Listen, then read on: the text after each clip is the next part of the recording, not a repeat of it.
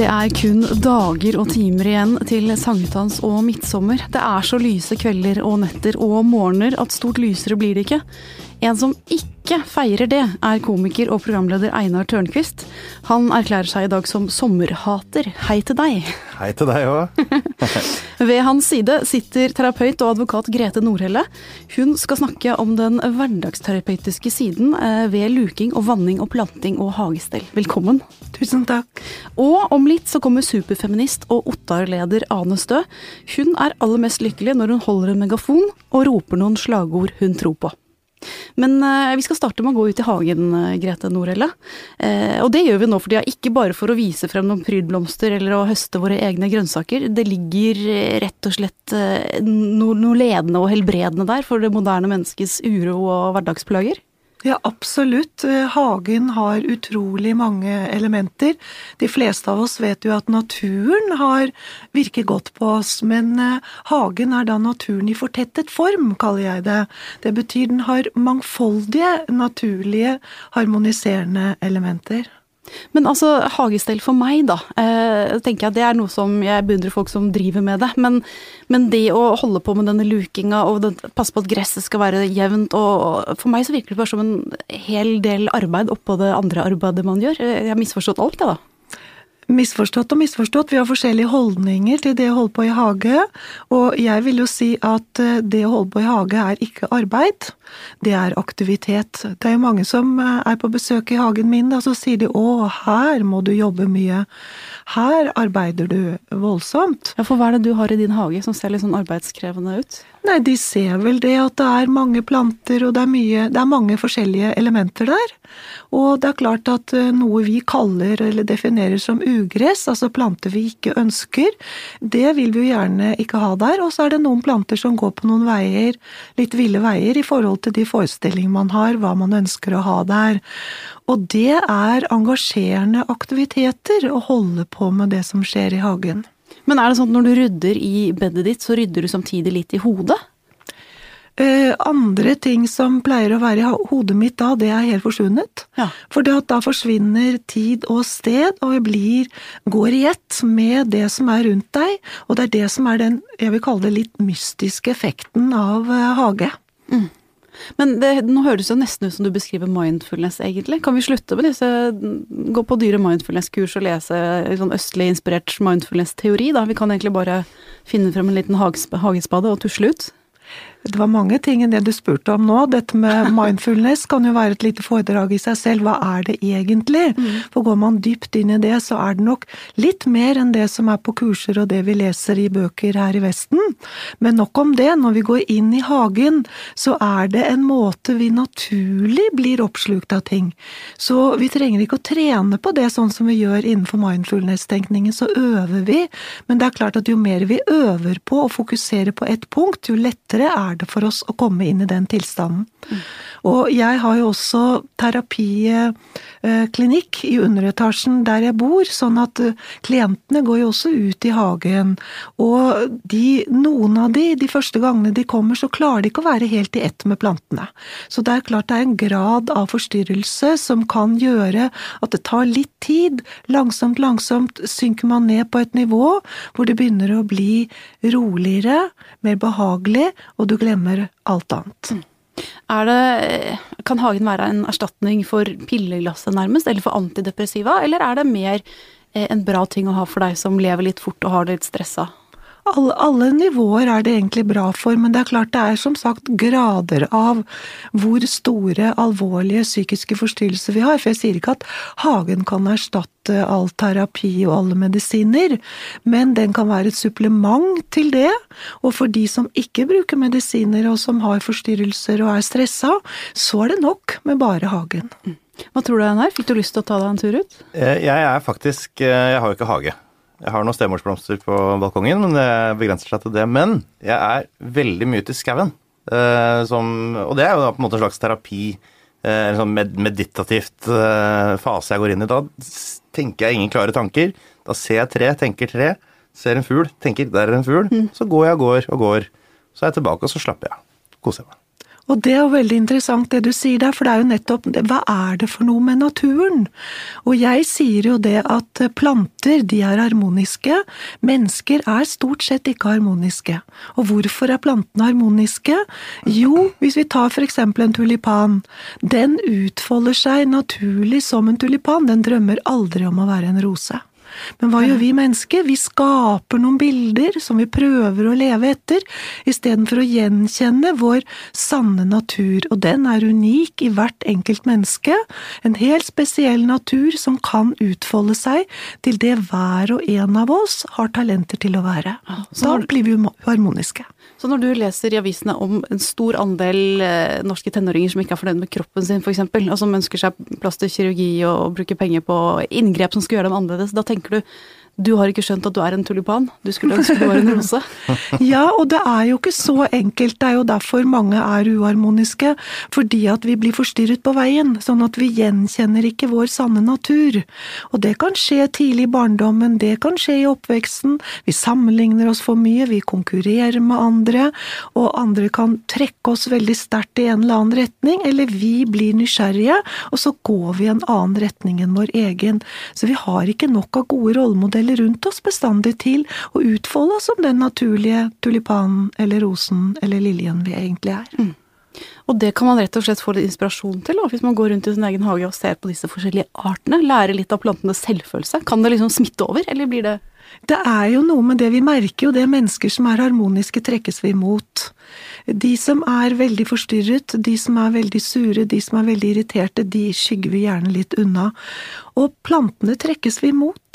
Både er veldig mange av de nydelige å se på, mange lukter godt. Helt tatt naturen, stort sett, hvis vi tar vare på naturen, da snakker jeg helt globalt også, så er eh, naturen veldig harmonisk, veldig vakker. Så bare den uh, skjønnhetsopplevelsen, den estetiske opplevelsen er veldig fin, men det er noe mer enn det. Det er jo den levende energien som vi stråler ut, alle sammen. Og plantene stråler ut sin energi. Og duft. Og det hele. Vi ser, vi hører, vi lukter, vi kjenner på. Og vi smaker på noen planter også. Så det er så veldig mye av det som er i naturen, som vi kjenner dypest sett at vi er forbundet med, for vi er en del av naturen. Og det kan vi av og til glemme når vi er i veldig uh, urbaniserte miljøer. Jeg kjenner jeg skal gjøre alt jeg kan for å virkelig være en tulipan denne sommeren. Det virket, eh, virket fristende, syns jeg. Ja. Uh, Einar, du har andre utfordringer med sommeren som står foran deg. Fordi at uh, altså, det er snart midtsommer, som sagt, og det gleder Min jo ikke deg. Min bursdag for øvrig, 23. juni. Nei, sier ja. du det? Det er til og med et sommerbarn. Ironisk nok. Ja, fordi? Fordi jeg Altså, jeg skal ikke dra det så langt som å si at jeg hater sommeren, men jeg, det er den årstida eh, som passer meg minst. Jeg er dårlig på varme, dårlig på lys. Eh, pollenallergiker, tåler nesten ingenting. Eh, eh, jeg er ikke noe glad i å sitte stille, som er en veldig ynda aktivitet. Sitte på et pledd, sitte på en strand. Jeg liker ikke å bade når det er under 30 grader i vannet. Eh, jeg liker ikke insekter. Eh, ikke noe spesielt glad i salat. Jeg liker ikke å grille, jeg liker ikke at jeg, at jeg skal lage maten min utendørs. Eh, vil du ha mer? Is, liker du det? Jeg er ganske glad i is. Men så liker jeg ikke rutinebrudd, så jeg liker ikke at, eh, at de normale TV-vanene mine brytes opp av sånn evigvarende frokost-TV som, eh, som, som, sommeren kan by på. Eh, liker ikke at fotballsesongen er over.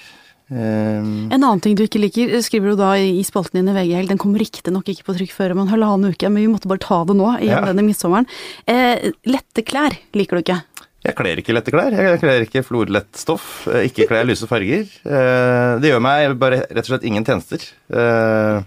For jeg er jo veldig bleik. Jeg tåler ikke sol noe særlig. Og nå har du til og med tømt lommene dine ute på bordet her. Ja, for ellers, altså, alternativet mitt er å gå med en ryggsekk eller en veske. Sånn manneveske? Man manneveske. Ja. Og det er jo så mye å dra på, så da blir det bare at jeg putter ting i lommene. Nå har jeg da solbriller, fire nøkler, mobiltelefon, et headset og et uh, velkommen inn på VG-kort på bordet foran meg.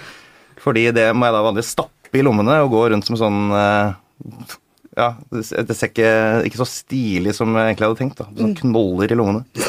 Men altså, eh, du har jo mange fysiske forklaringer til denne sommerproblematikken din. ikke sant? Mm. Lys hud, pollenallergi, eh, myse mot sola. Mm. det er ikke, du har ikke rett og slett opplevd noe traumatisk i barndommen da, som har utløst denne sommerforkvaklingen hos deg? Jeg ble født, da. Det er jo dramatisk for de fleste. Men eh, jeg ble riktignok født på sankthansaften, men det snødde i Tromsø da jeg ble født. Åh, Så er det noe hokus pokus der? Det er kanskje litt naturlig habitat. fra himmelen? Ja. eh, hva tror du, Grete? Er han et kasus, eller har han bare gjort et valg på eh, hvilken årstid han liker? Det er, jo, det er jo lett forståelig hvis det var mange fysiske plager ved en del av sommeraktivitetene, men det går jo an å være litt kreativ i forhold til hvor man oppholder seg, i forhold til hvor det er en kjølig, god bris og mer skyggefullt, og du virkelig ser natur. Og det er jo ingen som sier at du må sitte stille. ja, men da melder jeg meg litt ut. For at, eh, jeg har jo en kjæreste og jeg har venner, og jeg vil jo gjerne delta i deres uh, yndede aktiviteter. Da. Det å gå rundt alene i skauen, da, som jeg ser for meg som det mest sånn behagelige å gjøre på sommeren, egentlig, det blir jo veldig asosialt. Eh, og så har jeg jo, altså det er jo sånn at det, Folk har jo fri samtidig på sommeren, og jeg har liksom lyst til å bruke tida mi sammen med dem. Og da må jeg da som regel lide meg gjennom eh, solkrem og svette og eh, bier. eh, Og rare klær. Og rare, fargerike klær som jeg ikke kler. Har du tatt sånn sommerpause, da? Har du liksom satt deg inni din egen hule og trukket ned rullegardinene og ikke gått ut mellom juni og september nå? Jeg har aldri, aldri klart uh, fått til det. Det krever så mye planlegging. Men jeg skal, nei, så ille er det ikke. For jeg, jeg elsker sommerkvelder, f.eks. Når sola er uh, lav og insektene, i hvert fall bort fra myggen, da, trekker seg tilbake. Det, temperaturen er ok. Da, da kan jeg kose meg. Mm. helt til sola står opp altfor tidlig igjen. Som jeg syns er veldig irriterende, for da våkner jeg, og det hadde ikke jeg tenkt til. Ja, så når, du, da har jeg jo en idé. Det er jo nettopp at du blir et nattmenneske om sommeren. De milde sommernettene som er sånn litt dus belysning, og så bor du i et mørkerom og sover der på dagen. Mm, Jeg kan ikke sove hele dagen. Det blir så forferdelig Jeg får dårlig samvittighet, rett og slett. Får Hvis du dårlig samvittighet selv om jeg ikke har lyst til å være utendørs. Så får jeg dårlig samvittighet av å være innendørs. så det du gjør nå, er at du på en måte du eh, biter tennene sammen og, og lider deg gjennom de neste, de neste ukene. Å nei, du. Jeg flyr av gårde. Ha det bra, Norge. Nå flyr jeg til et... Svalbard. Nei, ikke Svalbard. Jeg skal til Island. Nesten! Ja. så det er ikke noe problem. Så- men så flyr jeg da til eh, USA, til Los Angeles, hvor jeg skal feriere. Men det som er fordelen der, er at det er tørt, ikke noe pollen, og badevannet det er totalt akseptabelt. Jeg elsker å bade så lenge det er varmt nok. Ok, Så du blir mest å se som en snorkel som stikker opp av vannet? Stort sett når jeg må veldig ofte på land og smøre meg for nye smørekontrakten min, for ellers så blir jeg drept av, eh, av eh, hudskade, Kreft. kreft og ikke minst brannsår. Nettopp. Når er det livet blir ålreit igjen? Jeg kicker inn for fullt i midten av september, og da, men da, da har jeg skikkelig glød. Da, er jeg, altså, da begynner alle andre å ha alle en sånn nedadgående kurve hvor de har gått fra å være brune til å bli bleike og bli trøtte og sånn, mens jeg skyter fart. Jeg alltid, Nå har jo jeg kjæreste, men jeg har alltid brukt den tida på å sjekke. Uh, for, for da har alltid jeg hatt så innmari oppdrift. Så når du kan begynne å finne frem ullgenseren og tenke på de der eh, kveldene hjemme med Ja, egentlig bare jeg kommer, kommer til et punkt hvor jeg kan ha på en lett jakke utapå eh, en skjorte. Langerma skjorte og langbukser og ålreite sko. Da er jeg altså så i mitt ess. En ordentlig høstplante der, altså. Ah, du får ha lykke, igjen, lykke til gjennom de neste ukene. Takk for det. Nå har også Ane Stø kommet inn i studio, velkommen. Tusen takk.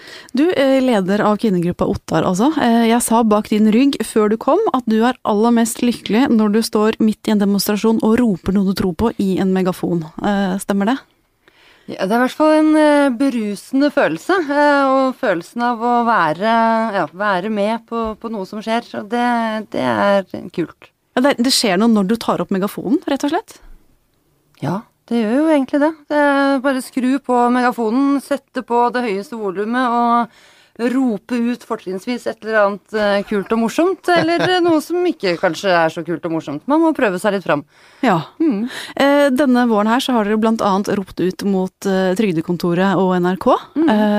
ingen porno for min lisens, var det ikke det? Jo, Ja. det var sånn det blei på sparket der. Ja. Eh, det var, altså Dere bruker ikke lang tid på å utarbeide de slagordene, da, eller?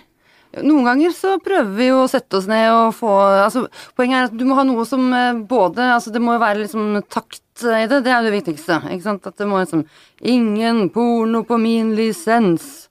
Men helst så skal det jo rime, og så skal det jo helst være noen sånne snertne poenger. Det er forferdelig vanskelig. Ja. Mm. Men eh, det er jo ikke alle deres eh, utrop som dere blir så veldig populære for. Eh, Dere får en del tyn, rett og slett. Det er mange som mener at eh, feminister eh, og Ottar i seg selv er sånn sure kjerringer. Usexy kjerringer. Kan du bli lei deg over det, eller preller det av? Altså Hvis jeg skulle gjort dette aleine, eh, så hadde jeg sikkert tatt meg nær av det. Eh, men vi er jo en gruppe, vi er jo en gjeng som gjør dette sammen, eh, og da blir det på en måte mindre, mindre personlig og ikke minst mye gøyere. Altså, men altså jeg har full forståelse for at, det, at noen syns at det er lite sexy å stå på gatehjørner og skrike og, og ta den helt ut. Men ja, folk skulle prøve det. det. Det er mye mer befriende enn eh, det kan se ut til. Mm. Men du gjør det ikke bare fordi det er befriende, fordi det er en måte å heve stemmen på. Du mener jo at eh, Norge trenger noen som står på et gatehjørne og skriker.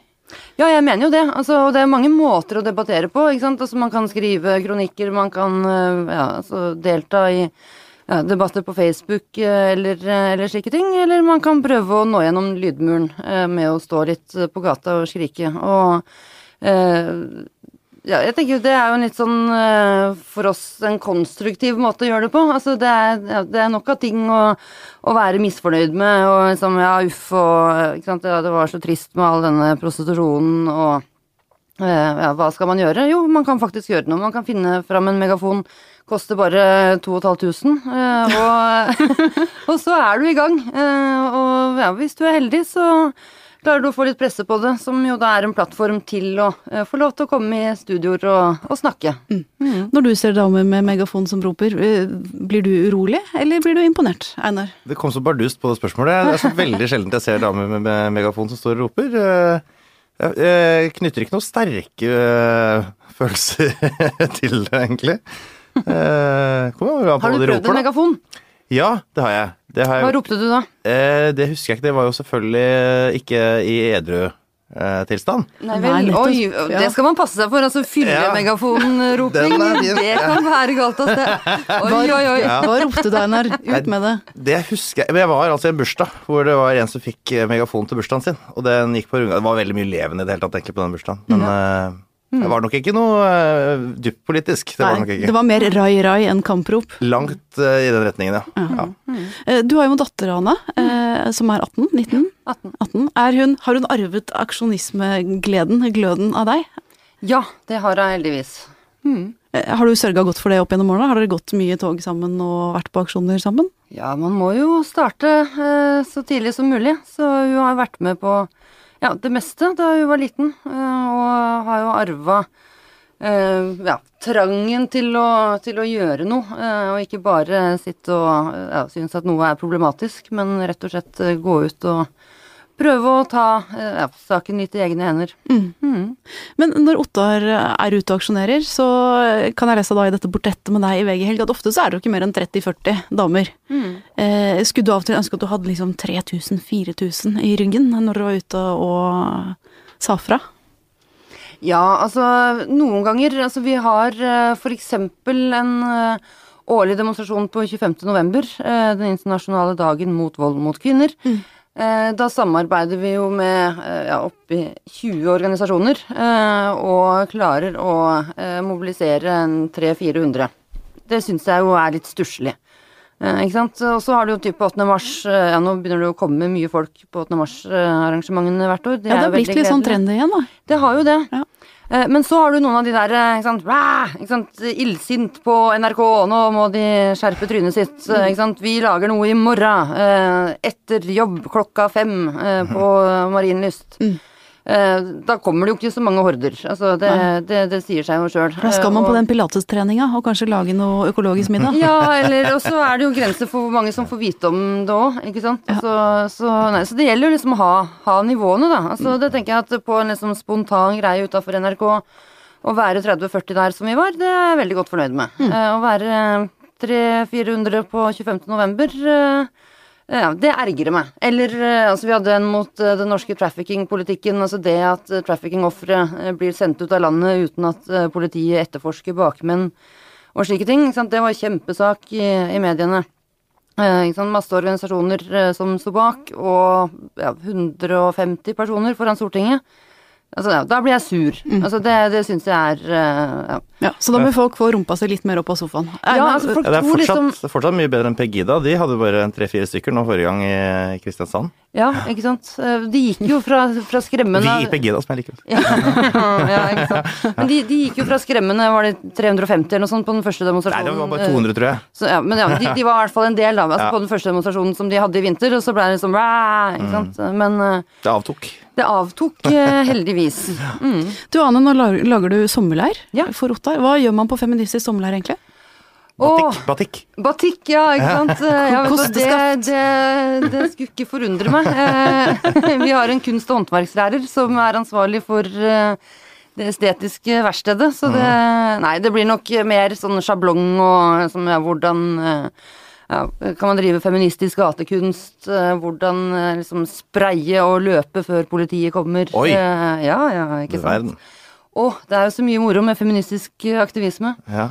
Eh, nei, og så skal vi diskutere en del politikk. eh, ta opp en del eh, eh, ja, altså brennbare spørsmål, særlig i forhold til eh, ja, altså økonomi og feminisme, eh, for eksempel. Eh, velferdsstaten eh, og Ja, ellers så skal vi bade og kose oss. Eh, Kommer dere til å vise Hollywood-fruer på storskjerm på kvelden, da, eller? Nei, det gjør vi nok ikke, dessverre. Da må jeg klare meg i mange dager uten, uh, uten både TV og, og det som er. For det er rett og slett din hemmelige last, Hollywood-fruer. Det er veldig gøy, da. Jeg har så mange sånne hemmelige laster. eh, At, eh, så hvem var det som sa at jeg er dessverre veldig opptatt av hva som skjer med The Kardashians. eh, Og ja, det er, eh, ja, så jeg kan bli hekta på hva som helst. Ja. Så hvis man først begynner å se, så er det som herregud, sier de det? Og ja, nei, og hvordan går dette? Og fort gjort. Fort gjort. Eh, så ditt sommertips er bare akkurat passe doser med Hollywood-fruer og Kardashians, da, eller? Hva, hva skal man gjøre denne sommeren her? Ideelt sett så skal man ikke sitte inne og se på verken noe Hollywood-fruer eller noe som helst, eh, men være ute og kose seg i det deilige været. Eh, Og det Vi får se på det, men det er alltid greit å ha en TV-serie i backup. Ja, hva sier du, Einar? Nei, jeg, jeg er jo ikke noe glad i dette været, men uh, hvorfor har dere ikke noe feministisk vinterleir? Altså, vi har 8. mars. eh, ikke Ja, sant? Altså, den det er ikke internasjonale kvinnedagen er på ja, 8. mars, eh, Ja. og da er det jo ofte sludd og veldig surt i været, så Jeg er for lengst i gang med å nyse pollen eh, omtrent da. Å, ja, det var det. Ja, da skjønner jeg at du er litt Men Einar eh, kommer på det arrangementet i november, kan vi Da si. kommer jeg. Det er 25. Da, november. 25. november, da er det garantert pollenfritt eh, og kaldt og surt og jævlig, så da er du hjertelig velkommen. Hvis ikke det krasjer med bots- og bededag i år, da, for det selvfølgelig feirer jeg jo med brask og bram. Oh, ja. Da har vi allerede høsten planlagt. Det var ikke dårlig på Helgestarts siste sending før sommeren. Tusen takk til Magne Antonsen som var produsent, og dere som var gjester. Bare hyggelig. Tusen takk.